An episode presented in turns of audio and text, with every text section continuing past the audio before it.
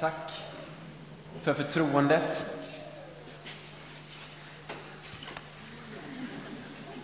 Tack för förtroendet. Eh, det är väldigt speciellt för mig att få det av er. Och eh, jag går in i en tjänst som är väldigt spännande, väldigt rolig, som jag har funnits i under en lång tid. Och en anledning till att den är så spännande det är att jag möter människor där som befinner sig i en fas i livet eh, där så mycket ska bestämmas. Där man kommer fram till vem man är, hur ens framtid ska se ut.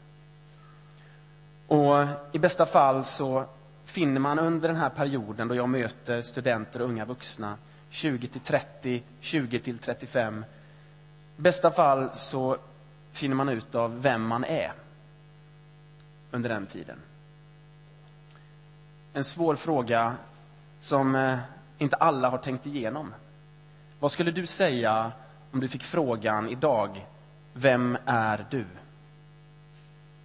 Ge det några sekunder.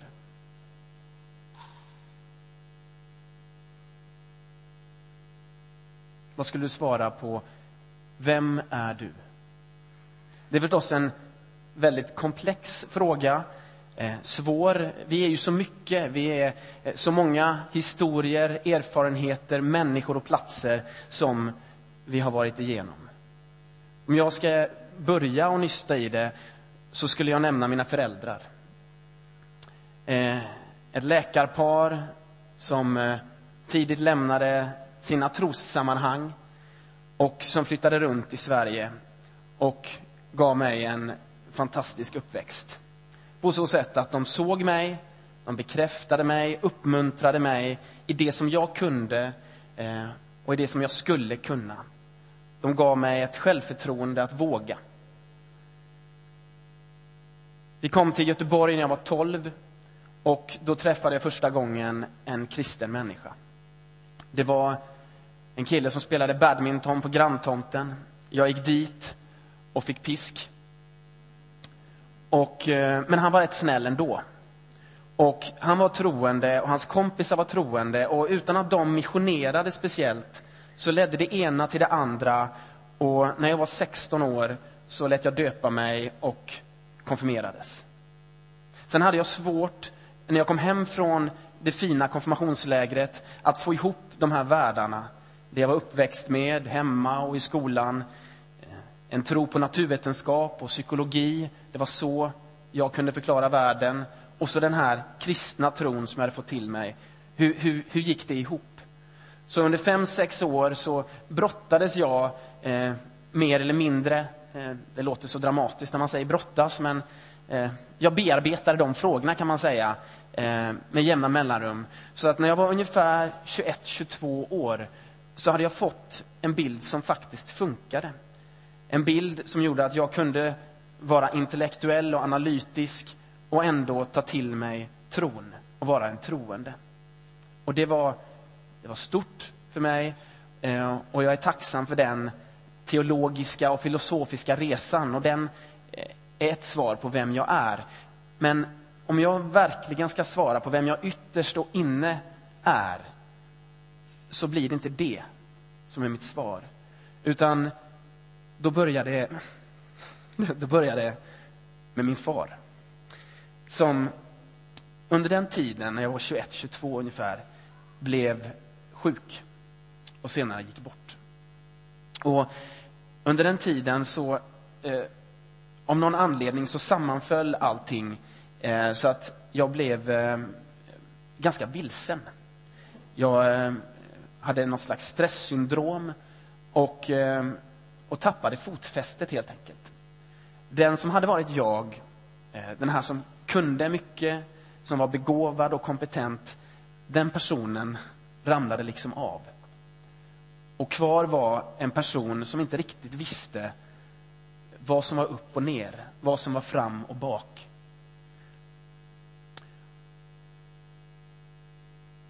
För mig upplevdes det som ett sår. I mitt liv så hade det öppnats ett sår som jag inte kunde läka själv. Jag kunde inte liksom täta luckorna i den jag var. Och det var första gången som jag riktigt inte visste vad jag skulle göra för att hitta tillbaka till modet och hoppet och kraften och riktningen. Eh, det var en, någon slags kris. Och det är väldigt viktigt för mig idag, den upplevelsen. Och jag tror att vi är många som skulle svara med någonting sånt, om vi verkligen svar, skulle svara på vem jag är. Och det behöver inte vara just något sånt här, att man förlorar en förälder. Utan det kan vara att man kommer från ett annat land. Och man kommer hit och man har alltid kunnat allting där man bodde. Och man var on top, liksom. Man, man kunde systemet och man kunde språket. Och så kommer man hit och så ska man förklara de enklaste saker och försöka ta sig fram och få uppehållstillstånd. Och så ser man att den man pratar med har dömt den. Och man har placerats här nere och man märker det och man försöker förklara att nej, jag är inte dum. Det är bara det att jag har lite svårt med språket, men jag är jättemycket värd. Men då sjunker man bara ännu mer man vet liksom inte hur man ska ta sig fram. Man vet inte vad man ska göra för att få ett fotfäste. Den känslan, liksom. Eller, du har sökt den där utbildningen många gånger, i många år. Och du inser att, nej, det blir nog inte det i alla fall. Jag blir inte det jag hade hoppats. Livet blev inte som jag hade tänkt det. Den känslan. Eller, ditt barn kommer hem från skolan och du märker att han har inte så lätt att få kompisar. Och, och det är ingen som är elak, men det, det, är bara ingen som följer med hem någonsin efter skolan och du vet inte vad du ska göra av dig. För du, du vet inte vad du ska göra med detta. Den känslan. Att man vet inte vart man ska ta vägen. Och jag hade jag hade tur eller något. Därför att för mig så blev inte det här såret som hade öppnats, det blev liksom inte sista kapitlet om vem jag var. Ungefär ett år efter att det här började så var det som att just den här luckan i vem jag var, det här såret, den här smärtan, den här vilsenheten, det var som om Gud tog sig in i den och att just den blev en öppning för honom att ta sig in i mitt liv på ett starkare sätt än vad jag någonsin har varit med om. Så att jag mötte Gud, fast när jag var troende så mötte jag Gud på nytt och på djupet. Och det definierade vem jag var. Det var för mig en ny identitet. Att jag var svag, att jag var otillräcklig, men att Gud tog sig in i den otillräckligheten och sa, just det Mårten, du är så otillräcklig. Och jag älskar dig så mycket. Och nu kan du ta emot min kärlek fullt ut. Så det vill jag säga när jag går in i detta, att det är den jag är. Om ni ser mig duktig eller misslyckad, eller hur ni nu ser mig, så det är den jag är. Om jag ska svara kort på det. Och vi ska läsa Bibeln, därför att det som jag har berättat nu, det är ju, det är ju trons påstående på något sätt. Första, andra Korintierbrevet. Eh, och jag tänker vi kanske står upp, så, så kommer vi igång lite grann. Om vi inte är det redan. Eh, bara så att vi vaknar till. Andra Korinthierbrevet 12, 5b och det är sidan 833 om ni har de här biblarna med er. Eh, det vill säga, det är mitt i femte versen. Och jag läser. Med mig själv vill jag inte skryta bara med min svaghet. Om jag skulle vilja skryta är jag ändå inte från förståndet. För vad jag då skulle säga är sant. Men jag avstår för att ingen ska tänka högre om mig än han gör när han ser eller hör mig. Och för de väldiga uppenbarelsernas skull, för att jag inte ska bli högfärdig, har jag fått en tagg som sticker mig. En ängel från Satan som misshandlar mig så att jag inte blir högfärdig. Tre gånger har jag bett Herren att den ska lämna mig i fred. Men han svarade, min nåd är allt du behöver. Ja, i svagheten blir kraften störst. Därför vill jag helst skryta med min svaghet så att Kristi kraft kan omsluta mig. Jag gläds åt svaghet, förelämpningar, svårigheter, förföljelser och nöd när det är för Kristi skull. Ty när jag är svag, då är jag stark. Och så sammanfattas detta liksom lite grann i kapitlet efter vers 4. På sidan efteråt. För där knyter Paulus detta, sin erfarenhet av att i sin svaghet är han stark. Han knyter det till Jesus Kristus, till Jesu korsfästelse, Jesu död och Jesu uppståndelse. Vers 4. När han, det vill säga Jesus, blev korsfäst var han svag, men han lever genom Guds kraft. Vi är också svaga med honom, men vi ska leva tillsammans med honom genom Guds kraft som ni ska få känna. Amen. Varsågod och sitt. Detta är ju trons påstående. Ett sätt att säga vad handlar kristen tro om? Då handlar det om detta, att Jesus Kristus har dött och på något sätt dött för oss och med oss. Så att när vi är svaga och sårade, då kan vi lägga vårt sår intill Jesus sår på korset och så kan vi följa med honom genom döden, det som känns som en död och så kan vi uppstå med honom och få del av Guds kraft. Så att när vi lägger vårt sår till Jesus sår så kan helande bli möjligt. Så i detta finns det två delar. Det ena är att vi måste erkänna att vi är svaga. Och det andra är att när vi gör det tillsammans med Jesus, då kan någonting hända. Och precis vad det är som händer, det beror ju på. Det är svårt att förklara.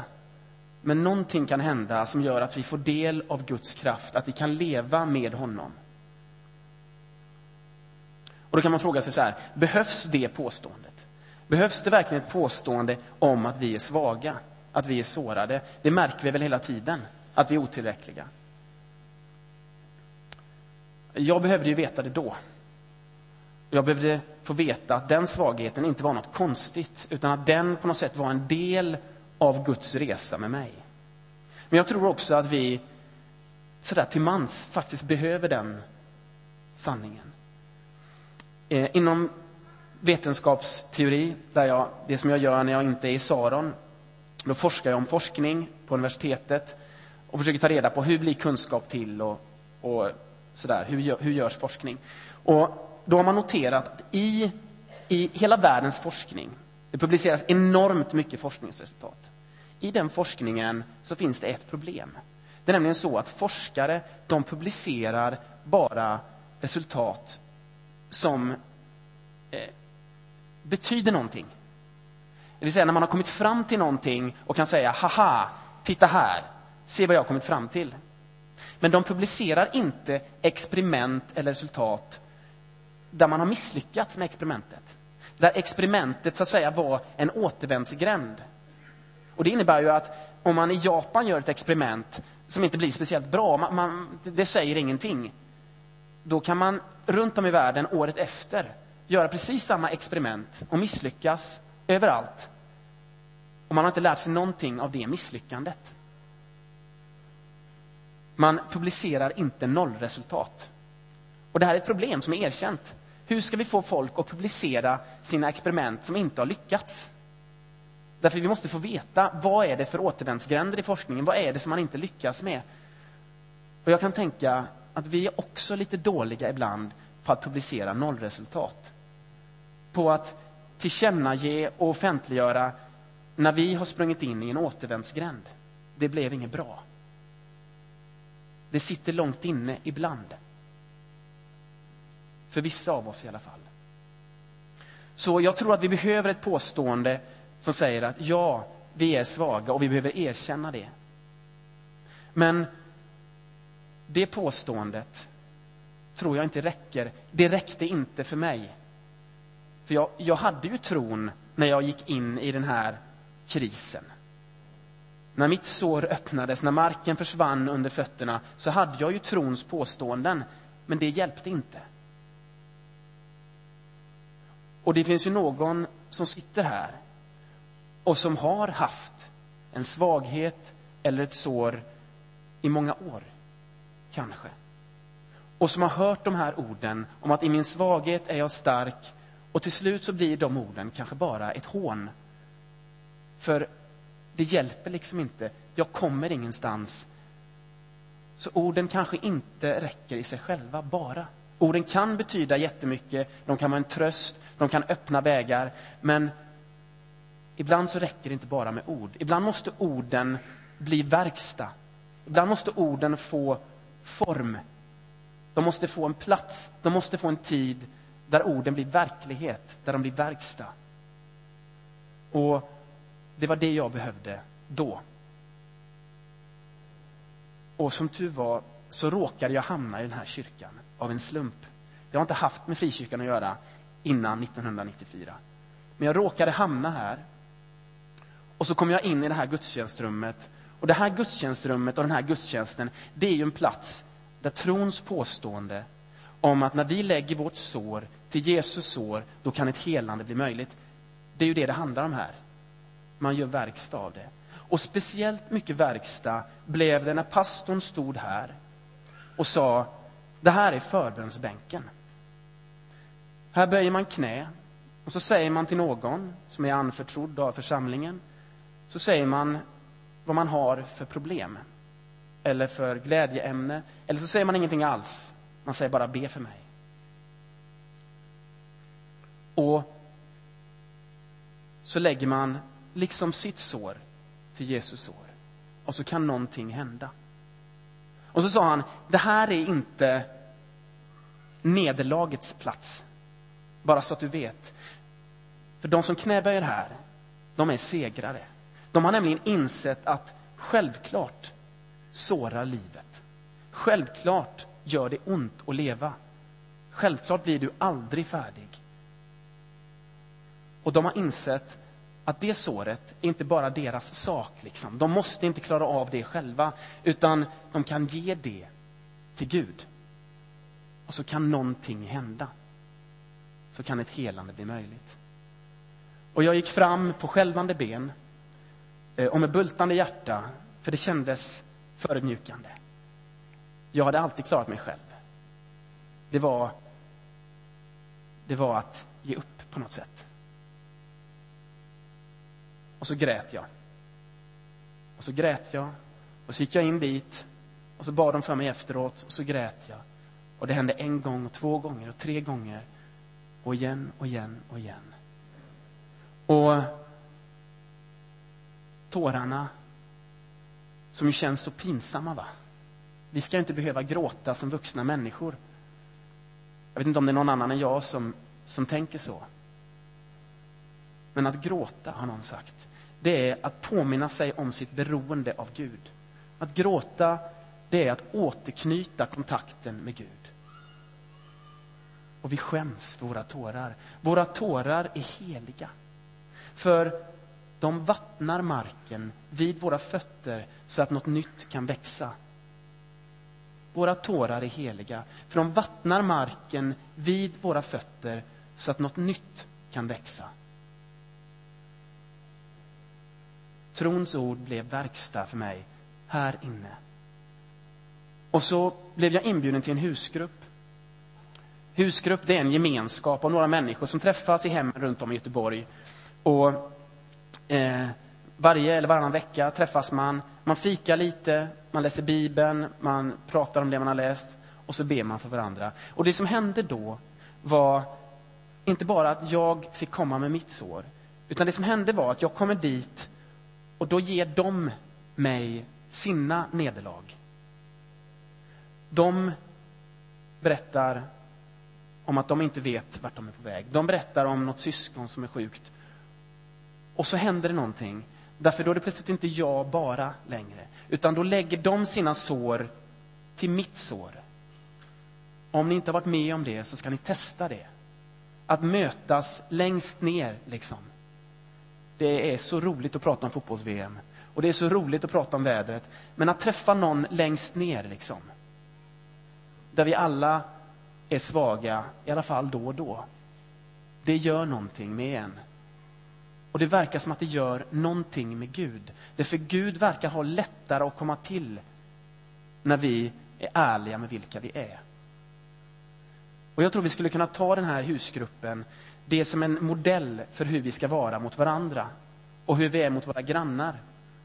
Och bara för att göra det lite, lite vardagligt. Eh, Karin och jag, vi skulle gärna vilja bjuda in fler människor till vårt hem. Men det blir inte av så ofta. Varför blir det inte av så ofta? Jo, men vi tänker nog som de flesta, att när man bjuder in någon, då vill man gärna städa rejält och så vill man laga lite god mat. Så, men om man, om man är en vanlig människa, eh, eller vi är olika där, men om man är vi, så, så, så hinner man inte så ofta städa. Och man tycker inte det är så jätteroligt. Eh, och man hinner inte ofta planera det där inköpet för maten. Och så blir det inte av att man bjuder in någon. Och så träffar vi inte varandra. Och jag tror att det står för någonting större. Därför att om jag bjuder in till ett ostädat hem och köper pizza, då säger jag att, då säger jag ju att jag, jag klarar inte av allt riktigt. Vi, vi orkar inte med att städa så mycket som vi skulle vilja. Och då är jag ju här nere, då är jag ju ärlig. Och det är så jobbigt. Och, och så sprider det sig. va? Eh, att man i samtalet, om man nu har städat så bra och man har lagat så mycket mat, då vill man inte förstöra samtalet med att berätta om att man inte är så lyckad. Och så blir det fotbolls-VM och vädret och så. Och så de gångerna man verkligen säger som det är. Det är inget bra nu. Det är jobbigt nu. Och så märker man att det tas emot. Och så lägger jag mitt sår till den andres sår. Och så händer det någonting. Och även om man inte ber så är det som att Gud är där.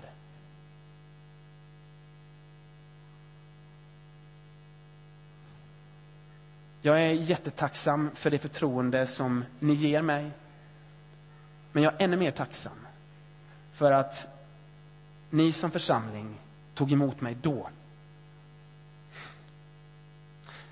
För 16 år sedan, när jag kom hit och inte hade något fotfäste. Mina kompetenser funkar inte längre. Då lät ni trons ord bli verklighet. Här och här framifrån och där inne och i husgruppen.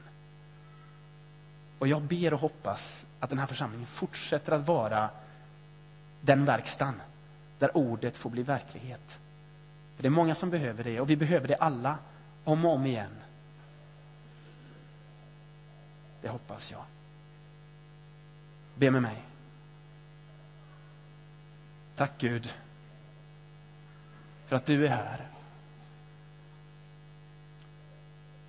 Du är sannerligen här och du är lika nära som vår hud.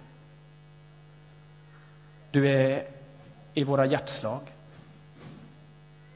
Du är i vår andning. Du är hos oss. Och nu ber jag för den personen som sitter här och har ett, ett färskt sår som känns oläkligt. Herre, lägg ditt sår till det såret.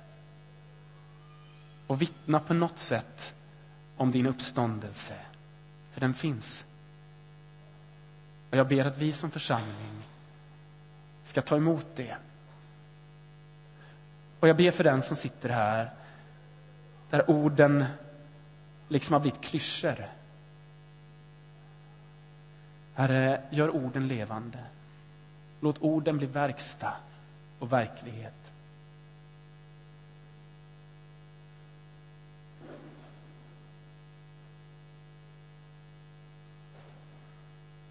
Vi ber i Jesu namn. Amen.